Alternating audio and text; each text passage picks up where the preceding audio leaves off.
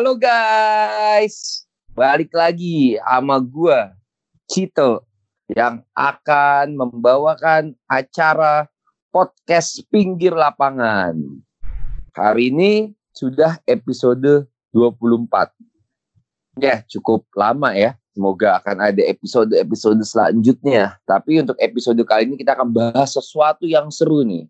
Kita akan bahas tentang tim papan atas, bukan tim bukan sekedar tim papan atas nih, tapi salah satu tim terbaik dunia yang kita tahu habis digunduli. Gua nggak tahu di kata kalimatnya apa. Kalimat yang bagus ya. Apa habis diperkosa, apa habis digunduli, habis dibantai, habis dipukul, atau habis tiada sisa. Nah kita nggak ya pokoknya sekitar itulah oleh tim Munchen dengan skor 28 gila 28 untuk sekelas Barcelona kalau 28 itu Munchen lawan Persela Lamongan ya masih oke okay lah ya tapi kalau Barcelona lawan Munchen 28 kita melihatnya yang salah pasti oke okay?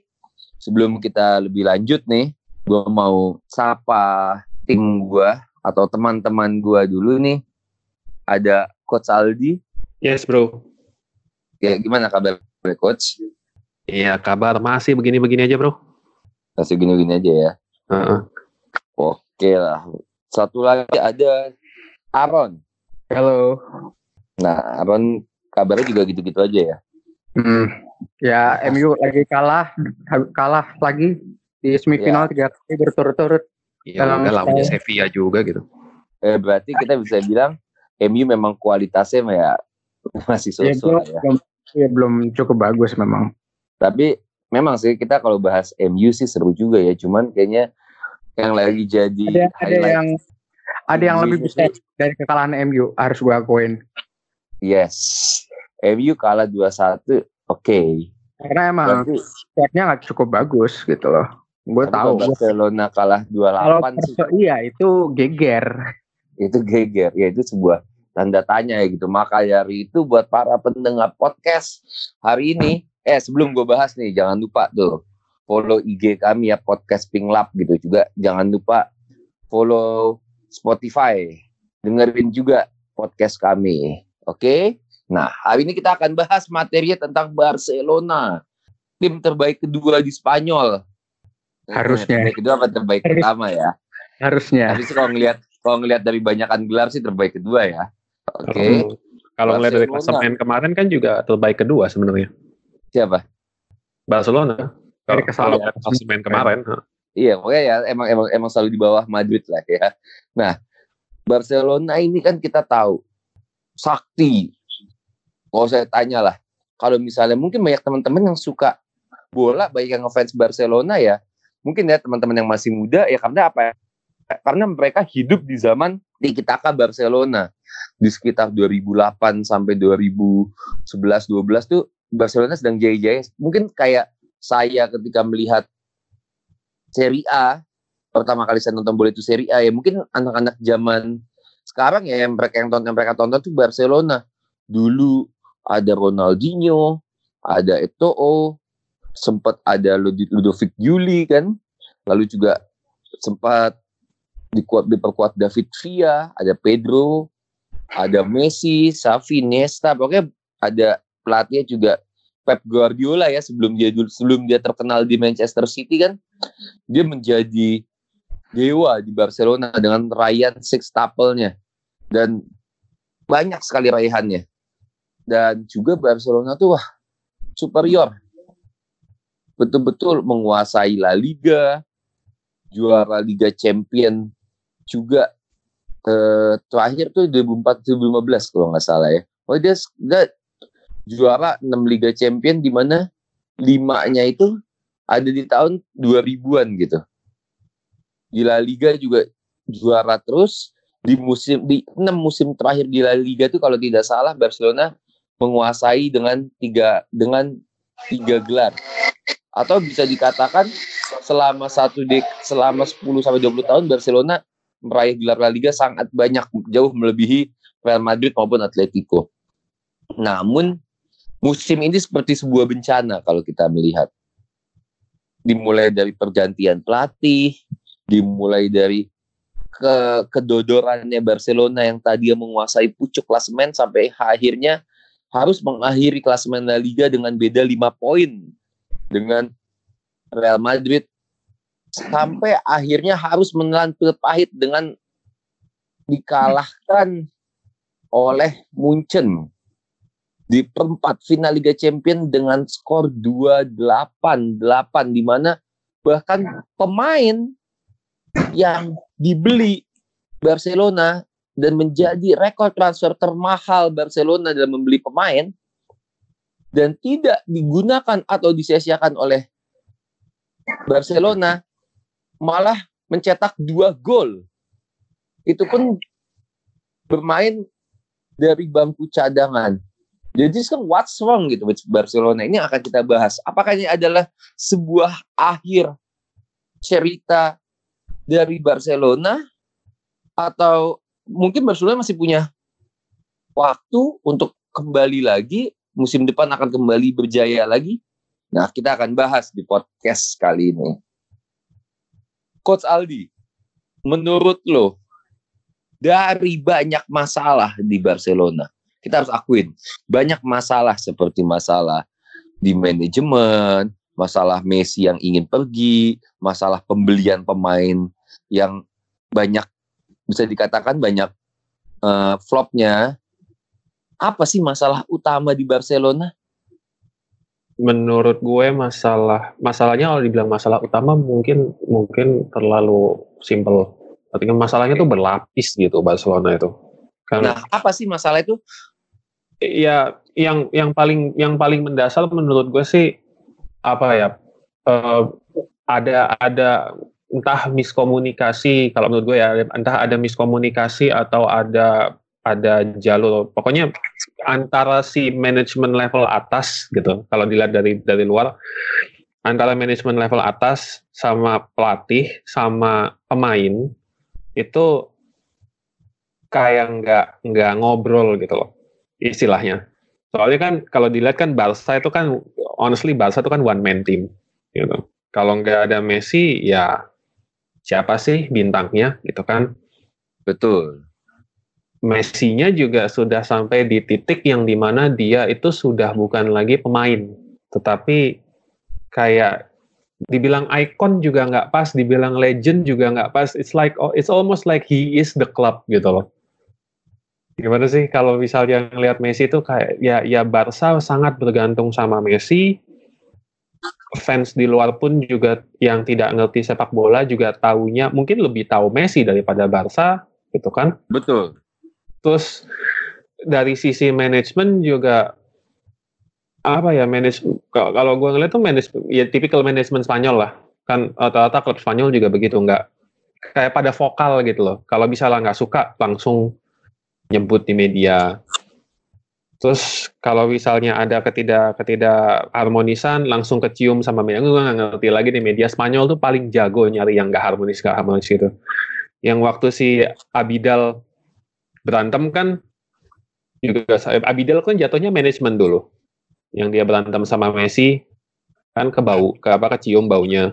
Terus Messi berantem sama Ter Stegen kecium baunya gue sih nggak bisa nyalahin nggak bisa nyalahin Kike Setian juga si pelatihnya yang kemarin dipecat itu. Gue juga nggak bisa nyalahin dia sepenuhnya. I mean kalau kalau menurut gue pelatih itu dia pasti bawa filosofi dan cara bermain dia sendiri. Dan ada kalanya ada kalanya nih kita ngelihat dari luar kita kayak punya ide gitu loh. Oh ini kayaknya tim ini bisa gue ajak bermain dengan cara gue.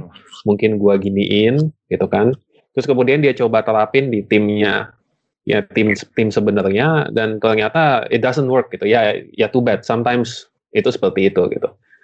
Butuh mungkin pemain-pemain baru atau butuh mungkin masa adaptasi yang lebih baik atau mungkin gimana. Tapi kemudian ini we're talking about Barca gitu. Barca yang sorry itu saya egonya tinggi yang di mana mereka ngerasa bahwa ya kita memang klub yang harusnya setiap tahun juara bukan cuma satu trofi tapi multiple gitu kan ya nggak ketemu gitu loh. Jadi itu sih kalau jadi ini sebetulnya masalah ini udah sangat banyak ya. Kompleks. Oh, kompleks. Nah, kompleks banget. coba kalau gue mau nanya menurut lu nih ya, pelatih coach, gue penasaran sebagai pelatih. Ya jujur pelatih yang hadir di Barcelona ini kan bukan pelatih, gue bukannya tanpa maksud merendahkan ya, tapi kan bukan seperti pelatih besar kayak Mourinho, Pochettino atau siapalah. Apakah karena pelatih tersebut kurang dipandang? Atau soal masih coach apakah sudah menurut coach sebagai coach apa mereka itu sudah punya kemampuan? Cuman memang tidak dianggap atau memang sudah memang ya sosok aja gitu loh coach. Kalau, wait, wait. Kalau ada pertanyaan, pertanyaan follow up juga buat Aldi.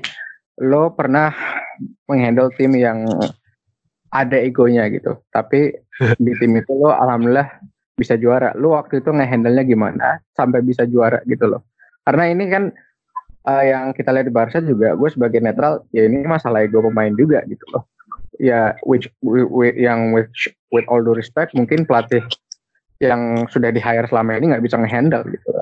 Lo sempat menghandle situasi semacam itu walaupun dengan skala yang berbeda, lo mungkin menghandle gimana bisa di sharing juga tuh gue gue jawab gue jawab pertanyaan Cito dulu ya. Jadi Cito tadi bilang apakah ini apakah ini actually kualitas pelatihnya atau enggak gitu kan. Kalau menurut gue kalau misalnya kualitas pelatih ya Kike Setian juga bukan bukan pelatih muda ya. Artinya dia kan udah cukup berumur. Dan menurut gue kalau misalnya seorang pelatih yang berpindah dari dari klub yang oke okay, agak kecil, tetapi dari klub yang lebih lebih mediocre atau klub yang tidak sebesar itu, terus kemudian masuk ke klub yang besar, ada contoh juga sebelumnya David Moyes, gitu kan. David Moyes itu luar biasa sukses di Everton. Dengan konteks dalam konteks Everton ya, kita kita kita kan dia stabil banget kan di Everton. Gue nggak inget dia 11 tahun apa kalau nggak salah di Everton gitu. Tapi ya pada saat dia naik ke Manchester United, ego. itu mungkin dia tidak bisa handle gitu kan. Waktu itu pemainnya juga dan plus ya, dia dia dia mengisi sepatu yang luar biasa besar. Ini Alex Ferguson. Ya akan akan sulit. Tapi kalau kita balik ke balik ke Kike Setian Kike Setian ini dia sempat terakhir kan ngelatih Betis ya sebelum dia megang Barca sebelumnya dia megang Las Palmas, terus Lugo, ya terus dia sempat jadi pelatih timnas juga sekali di Equatorial Guinea. Ya timnya sih tim tim ya tim tim biasa gitu, bukan tim high high profile. Menurut gue sih ego sih yang dia dia dia gagal. Tapi gue nggak yakin kalau sebenarnya bukan pelatih yang yang jelek. Cuman gini pada saat pemain sudah nggak percaya sama pelatih, apalagi kalau jumlahnya banyak, itu mm -hmm. sudah susah. Karena karena kan pelatih kan tidak bermain. Pelatih hanya memberi instruksi hanya memberikan cara untuk pemain itu melakukan di lapangan supaya menghasilkan kemenangan. Ya kalau menurut ya pelatih si pemainnya mungkin akan bilang oh iya oh iya oh iya. Tapi begitu dia step out di lapangan ya kita main cara kita biasa aja gitu kalau misalnya dia bilang, oh ya kita main dengan cara dia, tapi gue nggak percaya, ya kan jadinya nggak total juga gitu. Akhirnya berantakan, akhirnya suka salah ngerti, akhirnya begini begitu apa segala macam ya, ya gimana? Artinya yang namanya pelatih itu kan nakoda apa sebenarnya. Jadi anak buahnya ini mesti ngadep ke sisi yang sama semua baru tuh kapal jalan. Kalau enggak ya begini. Kalau konteksnya tadi jawab pertanyaan Aaron, ya emang betul. Gue pernah ada di situasi yang mirip dengan skala yang jauh lebih kecil. Waktu itu gue lagi turnamen mini soccer. Terus habis itu kita kita kita konteksnya kita tim baru, kita nggak diunggulin. Somehow kita berhasil masuk, kita berhasil tembus babak grup, lolos jadi nomor dua, jadi runner up grup, tembus ke quarter, terus tembus ke semi, Nah pas di semi itu gue berantem, nggak berantem sih sebenarnya. Gue bilang oke, okay, you know what kita tahu mereka tim lawan ini kebetulan tim tim tim unggulan pertama yang ketemu di final. Nah, gue bilang sama mereka kalau kita ngeladenin mereka dengan cara mereka main kita habis. Gue bilang gitu. Jadi gue waktu itu gue bilang gue pengen kita main high pressing. Jadi gue mau gue waktu gua gua inget gua taro gua taro kita punya satu center back dia dia badannya nggak kayak center back dia kecil. Cuman ini orang stamina nya nggak habis-habis gitu. Jadi dia bisa main sampai sampai lusa juga mungkin dia pasti sanggup main gitu main terus. Ya gue taruh dia di depan gue bilang sama dia lo lo bikin sibuk center backnya lawan. Jadi si kiper ini misalnya dia dapat goal kick dia mesti maksa bola itu mesti ke depan. Jadi nggak nggak bisa main lewat belakang harapannya adalah supaya pada saat bola itu naik si pemain lawan ini nggak ada yang first touch-nya cukup oke okay, sehingga entah ada mistake apa mungkin bisa possession bisa balik ke kita gitu. Nah ada satu pemain di di tim gue yang nggak setuju dia bilang ya nggak bisa gitu dong dia kan back gitu. Apalagi gue juga nggak inget persis dia ngomong apa, cuman pokoknya intinya dia nggak setuju dengan cara gue. Terus gue bilang begini, lu jago, gue gue gue akuin lu jago, tapi lu mesti dengerin gue. Kecuali lu mau gantiin gue sekarang, gue bilang gitu.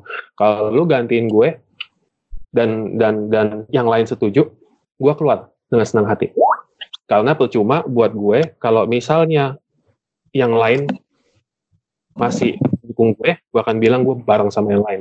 Tapi kalau yang lain sudah nggak setuju sama gue, gue juga akan keluar dengan setengah hati gue keluar. Gue bilang gitu. Damn. Nah, Damn. Yang lain itu, yang lain itu kayak kayak setengah-setengah ada yang setengah. Ya gue percaya sama sama sama sama Aldi, gue percaya sama coach kita. Udah kita jalan aja kita menang kalah kita bareng. Tapi ada juga yang ya gue gue rasa ya lo ada dia ada benernya juga coach masa baik begini begini begini. Gue jelasin lagi. Gue take time gue ambil waktu untuk gue jelasin lagi ini lo maksud gue. Pada saat dia begini nanti lo dapat bolanya alurin ke samping begini begini begini. Pada saat begini begini begini begini. Akhirnya berhasil cuman si anak ini doang dan anak ini yang nggak setuju ini end up nggak gue mainin karena gue tahu kualitas dia. Menurut gue gue tahu gue kualitas dia. Kualitas dia adalah dia tuh eksplosif.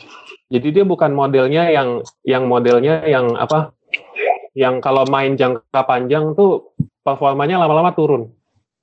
Nanti nggak? Kan ada yang stabil tuh pemain.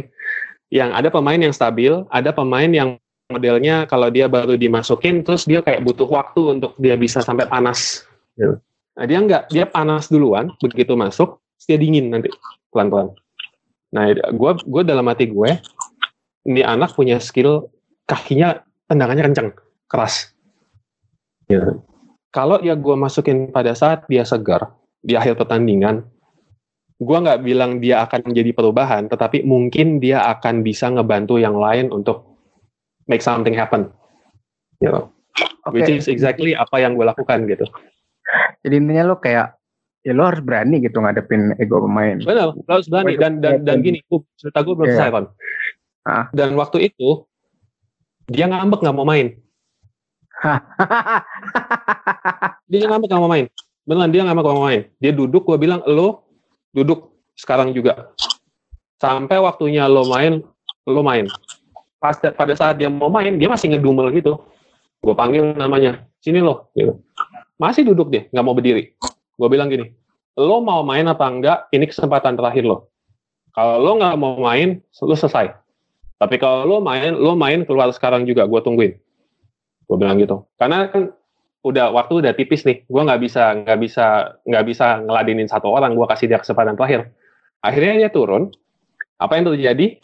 Ternyata gue yang bener. Akhirnya dia nyetak gol, juara gitu. Oke. Okay. Gue nggak gue nggak bilang itu bisa terjadi setiap hari atau itu apakah kejeniusan gue apa enggak. Cuman buat gue, either you play my way or you don't. Titik. Lo nggak suka, lo keluar. Kalau lo lo nggak suka gue dan yang lain ternyata setuju sama lo, oke okay, gue yang keluar. Selesai. Jadi kayak kayak istilahnya wow. Di, gue mau nanya satu di. Eh, tau-tau ada Fajar. Set. Dari tadi gua.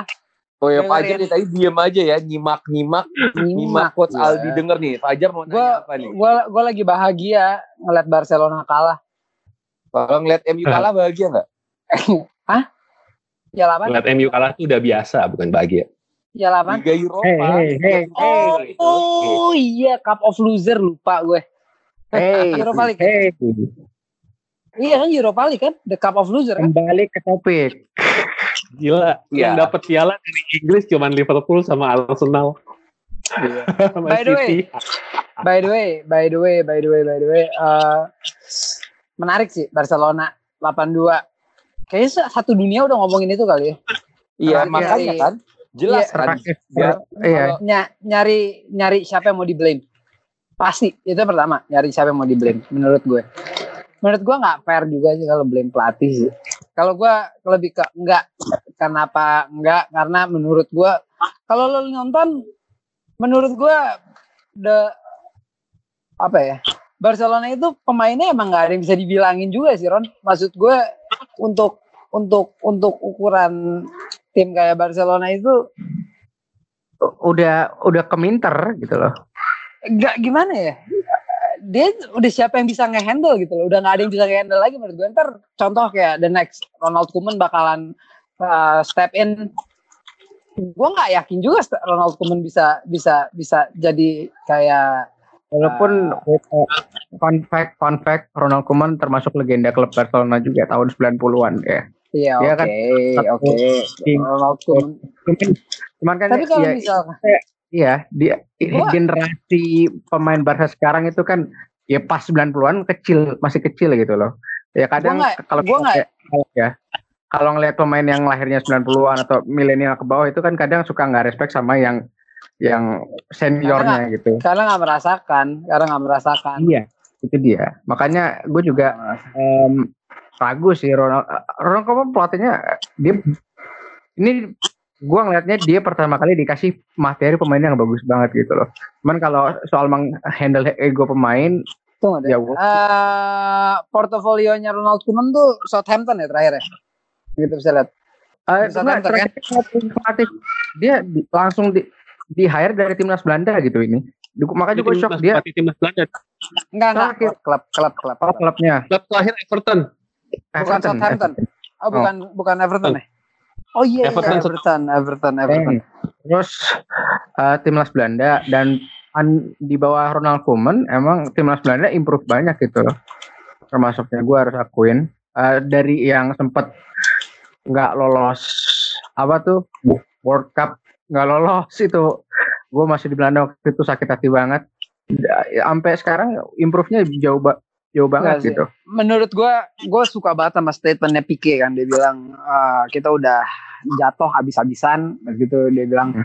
emang ini klub butuh butuh perubahan, butuh perubahan yang benar-benar literally perubahan. Kalau misalkan ada darah baru yang harus masuk dan ada yang harus pergi, gua rela untuk gue pergi pertama. Dia ngomong gitu kan. Ya menurut gue tuh sindiran sih. Menurut gue Messi emang kayaknya harus sudah cabut sih dari Barcelona bro. Kalau ini klub mau terus balik lagi ya. Maksudnya Setuju juga gue. His time it's up gitu loh. Maksud gue menurut gue yang ganggu balance tim itu ya seorang Lionel Messi sih. Kalau nyari siapa yang harus di blame menurut gue him. Menurut gue ya. Contoh contoh ya. Contoh yang simpel. Ini gue kan nggak tahu kan gue ngikutin media media Spanyol kan emang wajar Hmm. lah ya. Agak-agak telenovela we all know kan. Suka tadi Aldi ngomong kalau ada nggak harmonis itu paling doyan. Media-medianya Spanyol tuh kan emang begitu kan. Bedanya sama Brits media Inggris kan emang kalau media Inggris tuh emang suka pasang headline headline nggak jelas aja tapi kalau media Spanyol tuh emang paling suka kalau misalkan ada yang berantem ada yang nggak kompak tuh paling suka tuh dikulik habis-habisan nah, Iya, menurut bukan gua- media Inggris juga gitu, Jer. Enggak, kalau media Inggris bukan ke arah ketidakharmonisan, bukan ke situ dia. Dia arahnya tuh ke apa ya? Kalau Inggris tuh lebih ke Enggak sih, bukan keharmonisan. Dia tuh lebih nge-twist beritanya tuh? Kalau media Inggris tuh lebih nge-twist twist berita, bukan bukan ke contoh kayak Ole bilang ada yang baca gak sih Ole kemarin ngomong sebenarnya tuh mimpi gua tuh ngangkat piala bareng United segala macam etc. Tapi di berita di Inggris media Inggris bilangnya emang Ole nggak pengen menang piala Eropa etc. gitu. Itu kan twist kan di twist bukan Iya. sesuatu bukan sesuatu yang pengen apa? Sesuatu yang menurut gua Kalau- yang kalau media Spanyol, Italia juga sempat Mourinho bilang kalau mereka udah nemu minyak dikomporin langsung gitu, ya, komporin kalau- lagi istilahnya Iya, gitu Inggris Inggris tuh sensasionalism. lah. Iya, iya, lebih Nah, kalau kalau Spanyol tuh yang dia biasa kayak dijadiin luar biasa. ke ketidakharmonisan. Dia suka iya, banget gitu. ketidakharmonisan. kalau Hmm. kalau kalau media Spanyol tuh dia suka suka kayak suka kayak ngeluarin aib, tau nggak lo? Yes, Aib. itu dia. Iya betul. Agree, Gitu agree, dia. agree, agree. Agree to dia. disagree tapi ya emang begitu sih. Ah. And then uh, Dari gue sampai mana ngomong lupa gara-gara kepotong lagi yang sama. Inggris. Inggris ini distraction banget ya. Kalau di podcast tuh tiap kali ada ngomong Inggris pasti langsung Lo mau nanya siapa Inggris. Apa? Messi.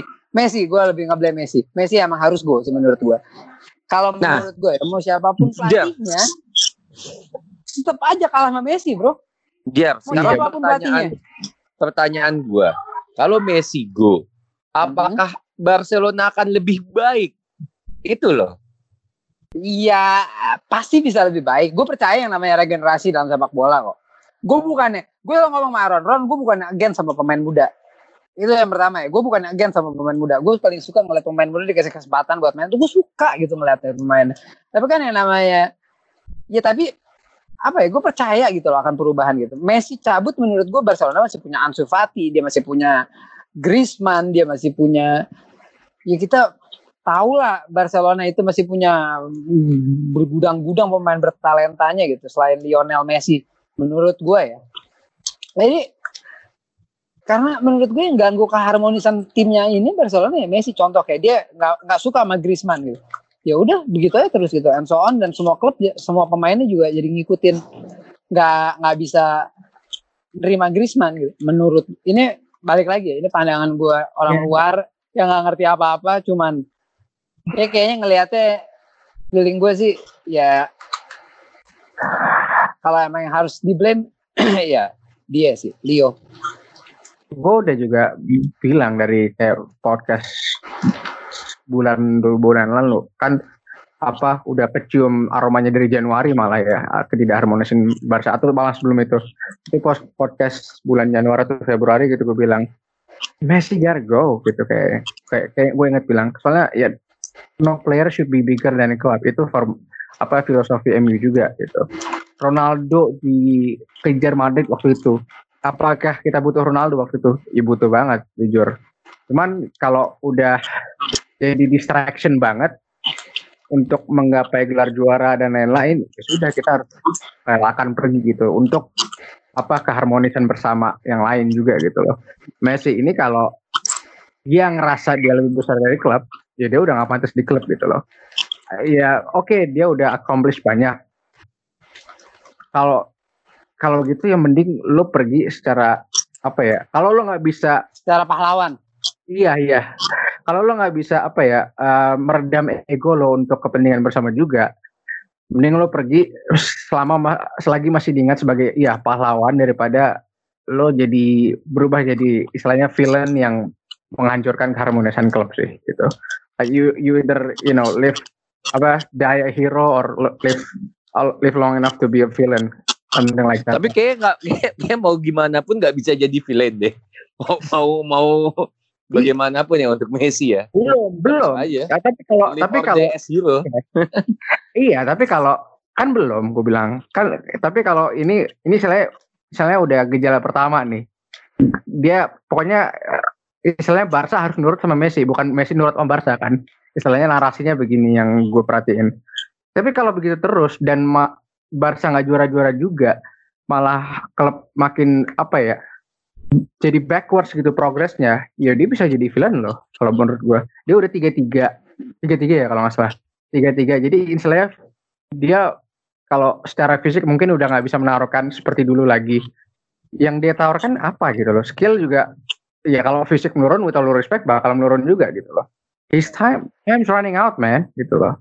Lo mau jadi apa gitu ke depannya ini? Lo masa lalu udahlah. Oke lo udah pahlawan banget untuk Barcelona di masa lalu. Tapi sekarang Messi depannya Messi Messi udah ngasih terlalu banyak buat Barcelona menurut gue iya gitu loh. Udah enough lah ya. Hmm. ya menurut Nah. dan ya, dan satu lagi kalau Messi mau di consider sebagai the greatest of all time gitu ya kan dia sering diomongin sama Ronaldo. Good. Ronaldo. Ya Ronaldo iya the goat. Ronaldo lebih unggul buat gua. Dia udah juara di negara-negara yang berbeda gitu loh. Inggris juara Spanyol juara Itali juara sama Juventus walaupun bukan Champions League ya. Iya, Ronaldo unggul jauh gitu. Dia udah bisa menaklukkan banyak negara. Messi istilahnya with all respect jago tapi jago kandang doang. Belum bisa membuktikan dirinya di liga lain. Itu kan kritis kritik apa ya eh, orang-orang yang skeptis dengan Messi gitu. Kritik utamanya, dia udah dia udah bisa dia bakal bisa merajai juga nggak sih di liga lain Ronaldo kan udah nih gitu loh. Kalau gue sih gitu. Kalau ini gue nggak ngeliat kesempatan yang lebih baik lagi untuk Messi membuktikan bahwa dia dia paling nggak bisa jadi raja atau jadi apa ya superstar di negara lain juga lah gitu loh. Kalau mau pergi pergi sekarang gitu loh. Nggak sehat sih kalau dia tetap di Barcelona dan selama dia masih belum mau mengutamakan kepentingan bersama gitu misalnya. Tapi apa sih yang bikin Messi jadi kayak sosok sosok yang begitu ya? Maksud gue setengah sikap tidak terpuji. Menurut gue tuh kayak ganggu keharmonisan tim. Ya dia dalang gitu. Apa yang bikin itu pertama ya? Trigger itu apa ya? Gara-gara emang semua fans menggantungkan klub kepada dia atau atau klubnya yang memperlakukan dia seperti itu? Gini kalau gue ngelihatnya dia emang bukan leader sih. Gue ngelihatnya ya. Enggak gini loh. Sejago-jagonya Cristiano Ronaldo waktu di Madrid, ya udah Cristiano Ronaldo gitu loh. Iya, tapi kayak gini loh, ada pemain jago, tapi dia kalau dikasih tanggung jawab leader nggak bisa. Ada juga yang bisa dua-duanya kan. Kalau Messi ini gue ngeliatnya dia jago doang. Dia kalau dikasih tanggung jawab leader, ya lihat aja musim ini gitu loh. Itu dia kaptennya loh. 82 kemarin dia kaptennya loh. Hmm. Eh, yang pas Barcelona berjaya kemarin kaptennya siapa? Puyol, Xavi, Iniesta. Bukan Messi. Gitu loh. Dia leader yang istilahnya jadi leader yang jelas banget, vokal banget musim ini. Tapi hasilnya apa? Trophyless. So, dia pemain hebat tapi bukan leader kalau buat gue. Oke, make sense. Nah, gue tuh punya satu satu pertanyaan nih. Bukan satu pertanyaan nih, saya satu hal yang mengganjil ya terkait Barcelona. Barcelona itu dulu dulu dikenal sebagai uh, sebuah tim yang jago memproduksi pemain-pemain muda atau bisa dikatakan La Masia lah ya. La Masia tempat mereka memproduksi pemain mudanya gitu. Dari Xavi, Iniesta, Messi, Pedro kalau nggak salah ya. Ya. Dan yang lain yang, dan Busquets, yang lain kayak Pique, Bosket. Nah, sekarang setelah itu Barca tuh mungkin ketika mengejar Madrid ya, mengejar dalam artian selain prestasi juga mengejar eh, ke mengejar popularitas Madrid, mereka tuh mulai beli-beli pemain bintang. Mulai dia beli pemain mahal, Neymar, mulai sekarang mulai dia mulai mulai beli-beli seperti Coutinho, Dembele dan siapa lagi ya banyak lah ya, maksudnya dia banyak lah beli-beli pemain mahal. Tapi pembeliannya itu banyakan gagal ya daripada bagusnya. Apakah itu termasuk salah satu eh, penyebab Barca hancur ya? Ah enggak, Madrid buktinya melakukan hal yang sama sama Barcelona biasa aja. Tapi tapi aja kalau Barca tuh kayak parah loh kalau lihat transfer ya, misalnya Coutinho out, Dembele out. Terus penyerangnya penyerangnya siapa itu ya? Gue lupa. Penyerangnya yang dia beli juga tuh. Yang ganti yang ganti Neymar itu siapa ya? Oh ya Griezmann. lah. Griezmann. Maaf, maaf. Griezmann ya. Griezmann. Griezmann Hmm. nggak sewah nggak sewah itu juga maksudnya ya kayak so-so ya Yes. maksudnya dibanding dengan ekspektasi dari Barcelona dan dari fansnya ya. Ya itu makanya kan kadang re- real apa ekspektasi fan fans itu suka nggak realistik juga gitu loh. Emang nggak ada periode apa penyesuaian terus pemahaman atau eh, in with everybody else gitu nggak ada gitu loh. Sama periode untuk nyetel dengan filosofi klub kan filosofinya apa ya filosofi bermain Atletico dan Barca walaupun sama-sama Spanyol beda gitu loh. Jadi kalau res, re- apa ekspektasinya langsung dia bakal I don't know maybe 30 goals a season di musim pertama ya nggak semua orang bisa begitu gitu loh. Jarang banget. Jadi emang eh, ekspektasi fans di Spanyol eh, terutama dua klub ini with all respect Cito juga di Madrid Barca itu emang kadang eh, untuk klubnya sendiri nggak realistis gitu loh. Emang ekspektasi emang. tinggi. Ah, iya kan? Kayak iya lo emang oke you're the best in Spain. Emang gua nggak nggak nyalahin lo sebagai fans kalau pe- pengen klub lo juara tiap musim. Tapi kalau misalnya ada perubahan, lo juga harus apa ya Harus pahami realistis. Iya, perubahan itu akan ya banyak challenge-nya gitu loh. Lu harus paham juga gitu loh. yang namanya rebuilding proses dan apa ini jadi kayak kalau nggak paham gitu jadi, kayak apa ya ya bukan fans yang intelek aja with all respect gitu. Makanya ini sih bakal menjadi sesuatu yang seru ya. Wah gila sih nih. Barcelona ke depannya gimana. Tapi ada satu nih, mumpung ada Fajar nih. Mau, gue mau ngasih statement aja sih sebetulnya bukan lebih nanya ya. Maksudnya ya kenapa ya mungkin semua teman-teman bisa mendengar ya kenapa Bayern Munchen gue bilang di atas Liverpool ya udah terbukti ya. dia lagi, dia lagi. Eh, lihat dong 8-2 dengan Barcelona. Tapi Bayern Munchen tahun Fun musim fact. lalu kan yang ngalahin Liverpool. Apa? Iya, Bayern Munchen yang ngalahin Liverpool iya musim lalu. ya. Iya. kalau yang Dan Barcelona kemarin- juga kemarin dikalahin kan sama Liverpool. Iya, kalau Makanya Liverpool jersey. Nah, iya, itu yang kemarin. Tapi yang baru kan Liverpool kalah sama tim urutan tiganya Spanyol. Iya. Kalau harusnya. Fun fact, terakhir ada skor 8-2 begini itu terakhir MU lawan Arsenal. Ya, lawannya aja. Jadi semuanya kena dong di sini. Oi, kalau itu mau ngebanggain jangan yang kuno-kuno banget, woi. Lo ganteng banget ngambil Itu- ngambil dari itu ensiklopedia yang udah debu gitu. Tapi gokil Itu sih. Gue skor itu broken bikin Arsenal broken banget Van Persie sampai pindah ke MU. Oh ya iya sih. Menurut gue sih eh skor 8-2 itu ya hebat sih. Hebat sih Barca. Ya, Bayern Munchen kemarin superior sekali. Iya dan Gua. dan gue udah nonton oke 82-nya MU Arsenal sama 82 Ba- Bayern Barca. Barca mainnya lebih parah daripada Arsenal yang uh, dibantai MU waktu itu. Barca lebih parah mainnya defense-nya nggak like no defense man. Ter Stegen he tried his best tapi kayak di defense-nya disorganize banget tuh. Dan apalagi ya lebih sakit tuh yang nyetak gol 7 ke 8 Coutinho men. Di di istilahnya Barca reject gitu ya di di berasa nggak dibutuhkan sama Barca tapi nyetak gol 7 ke 8 untuk Bayern Munchen. Itu Barca reject. Bagus juga kalimat lo. i- istilahnya lo lo harus akui lo fans Liverpool lo tahu juga kan kualitas Coutinho kayak gimana gitu kan. Tapi Gua tahu Iya. waktu dia masih di Liverpool ya. Beres dari Liverpool gua nggak ngerti sih. Iya, cuman kan oke pas dia pergi dari Liverpool sebenarnya oke Pak terakhir di Liverpool dia bagus kan. Sampai Bagus sekarang banget. iya bagus banget. Sekarang juga nggak jelek-jelek amat gitu loh. Tapi di Bayern dia juara.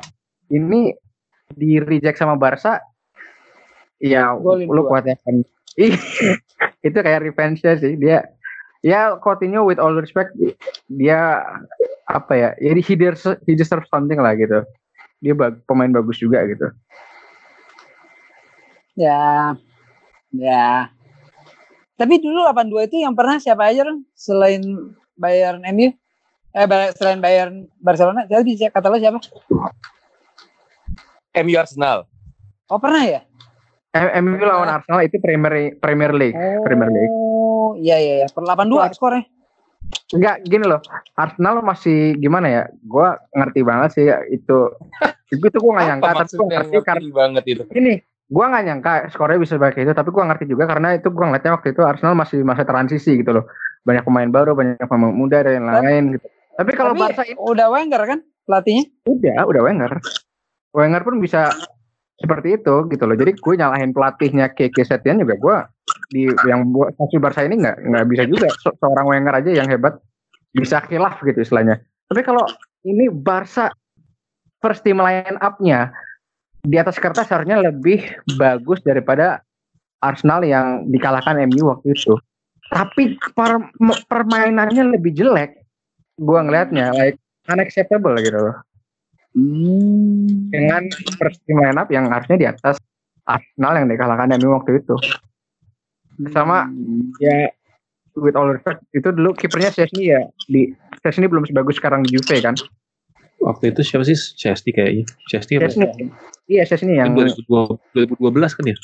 iya Aldi udah ma Aldi udah males gitu nanggepinnya ya lah ngapain sih ngomongin dulu Enggak maksud gue ya fair fair enough sih sebenarnya kalau misalnya mau komparasi, gue juga ngakuin waktu itu kita hancur banget. Itu kan yang yang akhirnya si Wenger jadi panic buy di hari terakhir yang dia beli dia beli Siap. Park Chu-young segala. Heeh.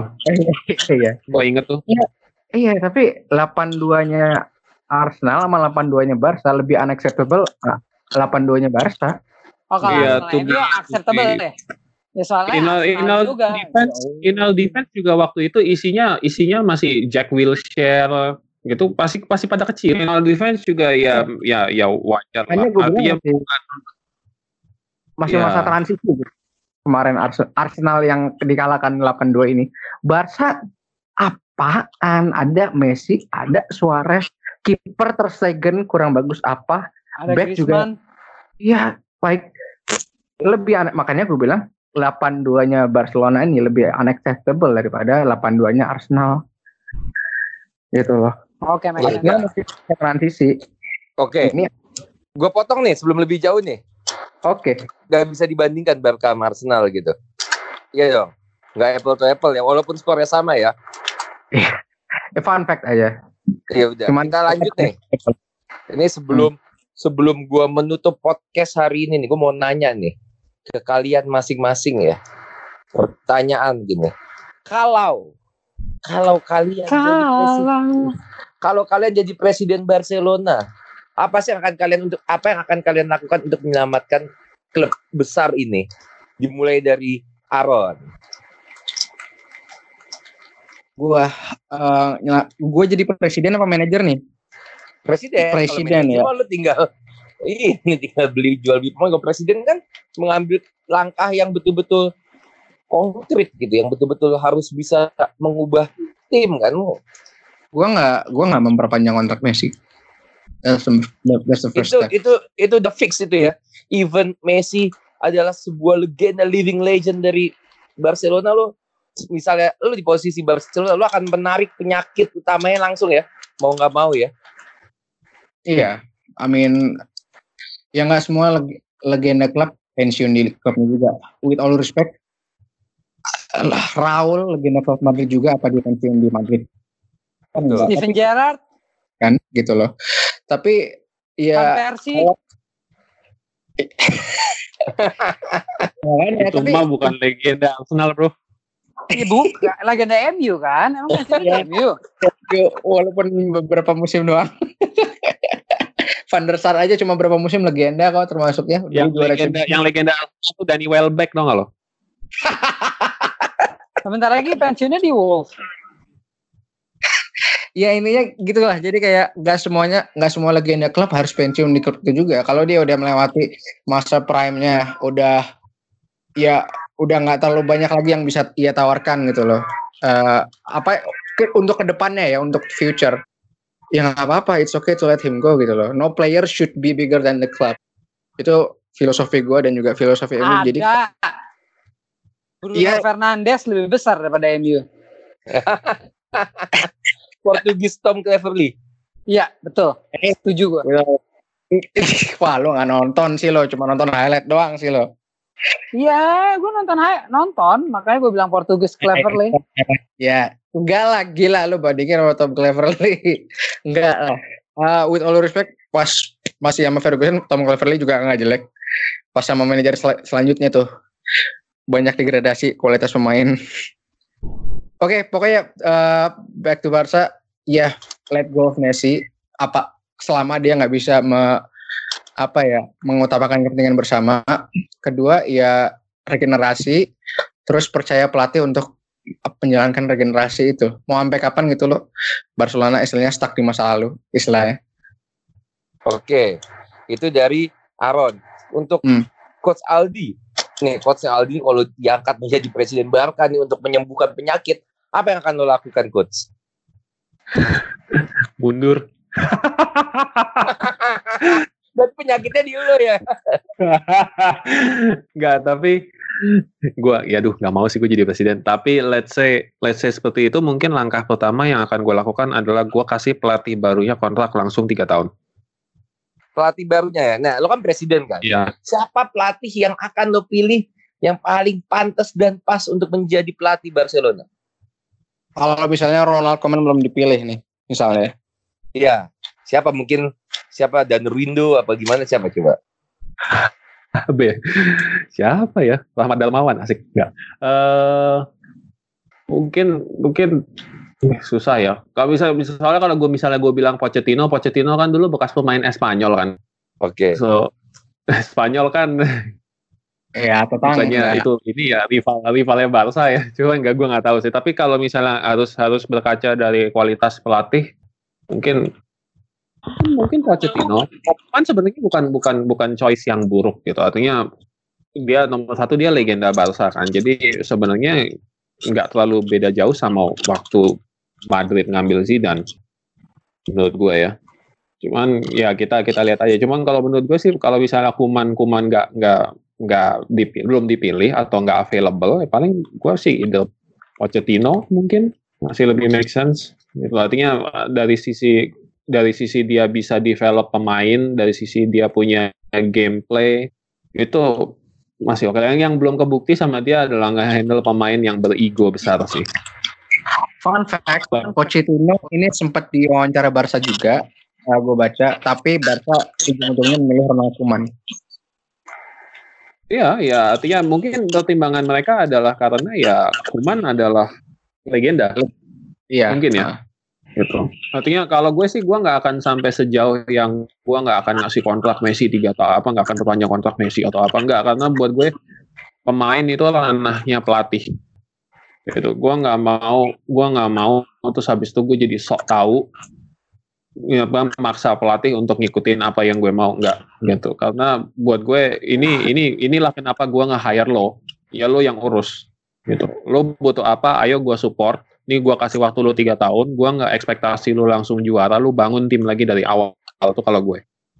Kalau misalnya lo ngerasa bahwa Messi mesti pergi ya udah nggak usah nggak usah lo perpanjang lo jual. Lo bilang sama gue lo kasih kasih gue ini siapa aja pemain yang lo mesti keluarin keluarin. Lo bilang sama gue lu butuh butuh transfer dana berapa ini coba gue sediain. Kalau misalnya emang nggak bisa ya gue adanya segini ya lu you work with this. Kalau misalnya lu butuh lagi ya lu jual.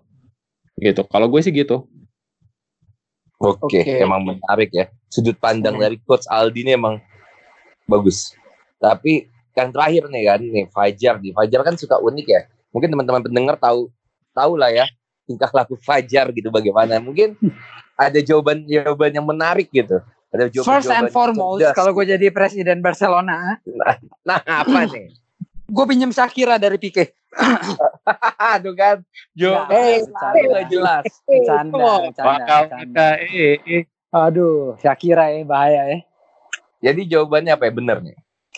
Enggak, kalau gue sih yang pasti gue balik ke apa ya ke itohnya Barcelona sih menurut gue. Ya balik jadi tim yang nggak bergantung sama belanja, lebih ke mengembangkan akademik, akademinya lagi dikuatin lagi, sama butuh pemain yang punya beli pemain pasti satu ada, yang market signing juga, tapi yang menurut gue butuh apa ya? Hmm, mental yang beda sama pemain sekarang karena butuh sentuhan old schoolnya itu Barcelona menurut gue sekarang perlu perlu orang kayak Roy Keane perlu orang kayak eh Xavi lagi kayak Puyol lagi itu perlu gitu Barcelona tuh lagi lagi apa ya lagi sangat sangat membutuhkan sosok-sosok pemain seperti itu sosok pemain yang seperti itu yang bisa seperti itu selain ber berininya ke Messi menurut gue itu Nah, daripada ini per- pusing Iya, ini pertanyaan menarik juga yang gue kepikiran. Misalnya era Messi, era Barca yang sekarang ini berakhir dengan pembantaian 82 kemarin. Barca sebaiknya itu bangun filosofi baru, gaya bermain baru untuk ke depannya atau balik ke old school filosofi mereka. Ini mungkin uh, Aldi bisa jawab juga kali. Kalau gue sih dan dan di sini masalahnya kak orang tuh suka suka apa ya suka salah ngerti antara tim style sama playing style gitu. Tim tim filosofi sama playing playing filosofi itu dua hal yang beda. Karena kalau playing filosofi menurut gue itu harus balik ke si pelatihnya. Ambil contoh Chelsea. Chelsea waktu dipegang Mourinho kan terkenal sekali dengan defensive football karena coachnya kebetulan defensif gitu. sementara Chelsea kemudian sempat dipegang juga oleh oleh siapa? Oleh Gus Hiding kalau nggak salah terus dipegang Conte dipegang Sari itu kan. Nggak ada yang nggak ada yang sedefensif Mourinho. Tetapi tim filosofinya dari sejak dia dipegang Roman Abramovich itu sama bahwa oke okay, kita akan menjadikan tim ini sebagai tim yang juara dengan salah satunya adalah berbelanja permain dengan dengan baik dan benar. Meskipun mahal kita berbelanja pemain dengan baik dan benar. Beda cerita sama sama kayak misalnya apa ya Barcelona. Barcelona kan dia punya tim tim filosofi adalah Meskeun Club. Kan dia bilang gitu Modena Club. Meskeun Club ini apa sih artinya? Gitu apakah dia berarti dia apa e, mengembangkan pemain dari La Masia apakah dia berarti adalah sebuah klub yang bersifat seperti keluarga? Apakah dia klub yang memberikan lebih dari biasanya atau normalnya klub sepak bola kepada fans atau apa gitu. Sementara playing filosofinya ya terserah si pelatih kalau menurut gue. Kayak waktu dipegang Pep, filosofinya adalah tiki taka. Tapi tiki taka itu bukan filosofinya Barca. Tiki taka itu filosofinya Pep. Sebelum Pep di Pep megang Barca, pelatih Barca nggak ada yang punya tiki taka kan? Gitu. Lahir paling total football waktu Cruyff. Total football itu yang paling mirip sama tiki takanya Pep karena tiki takanya Pep itu dan Pep pun juga bilang gue nggak suka kan istilah tiki taka dem. Tapi yang paling mirip adalah total footballnya Cruyff menurut gue. Dan dari sejak Cruyff sampai Pep ya nggak nggak nggak pernah kedengeran gitu. Mereka style mainnya kayak apa sih? Tapi ya filosofinya itu un club ya kita lebih dari sekedar klub Betul. nah itu itu sebenarnya yang mesti di mesti dibenerin gitu. Lo mau balik ke mana? Apakah un club ini lo masih mau terusin? Atau lo cari tim filosofi baru? Atau gimana? Tetapi playing filosofinya ya klub itu tetap harus ngasih support penuh ke si pelatih. Karena ya pelatih yang urusan sama uh, short to medium term results gitu. Karena kerjanya dia untuk menangin trofi, menangin pertandingan sepak bola atau mengembangkan pemain. Oke, baik. Seru banget nih ya kita bahas Barcelona ya. Ini akan mungkin ini akan menjadi suatu hal yang buat kita penasaran di di musim selanjutnya. Bagaimanakah Barca? Apakah akan kembali seperti dahulu atau memang seperti MU yang nggak balik-balik lagi ya? hey, hey, hey. Itu kan sebuah perumpamaan. Oke. Makasih buat teman-teman semua, para pendengar podcast pinggir lapangan. Gue nggak bosen-bosen buat ngingetin kalian, bantulah kami. Tanpa maksud mengemis ya, tapi bantulah follow kami lah. Follow kami IG kami di podcast pinggir lapangan. Follow juga kami di Spotify. Subscribe like and comment juga di YouTube kami di podcast Pinggir Lapangan. Oke? Okay? Minggu depan akan ada episode yang sangat spesial. Adalah episode ke-25 seperempat dari 100 seperempat apa seperempat abad lah bahasa ada akan ada episode spesial dari kami mau tahu kan apakah di episode spesial itu tunggu ya nantikan selanjutnya oke okay? ciao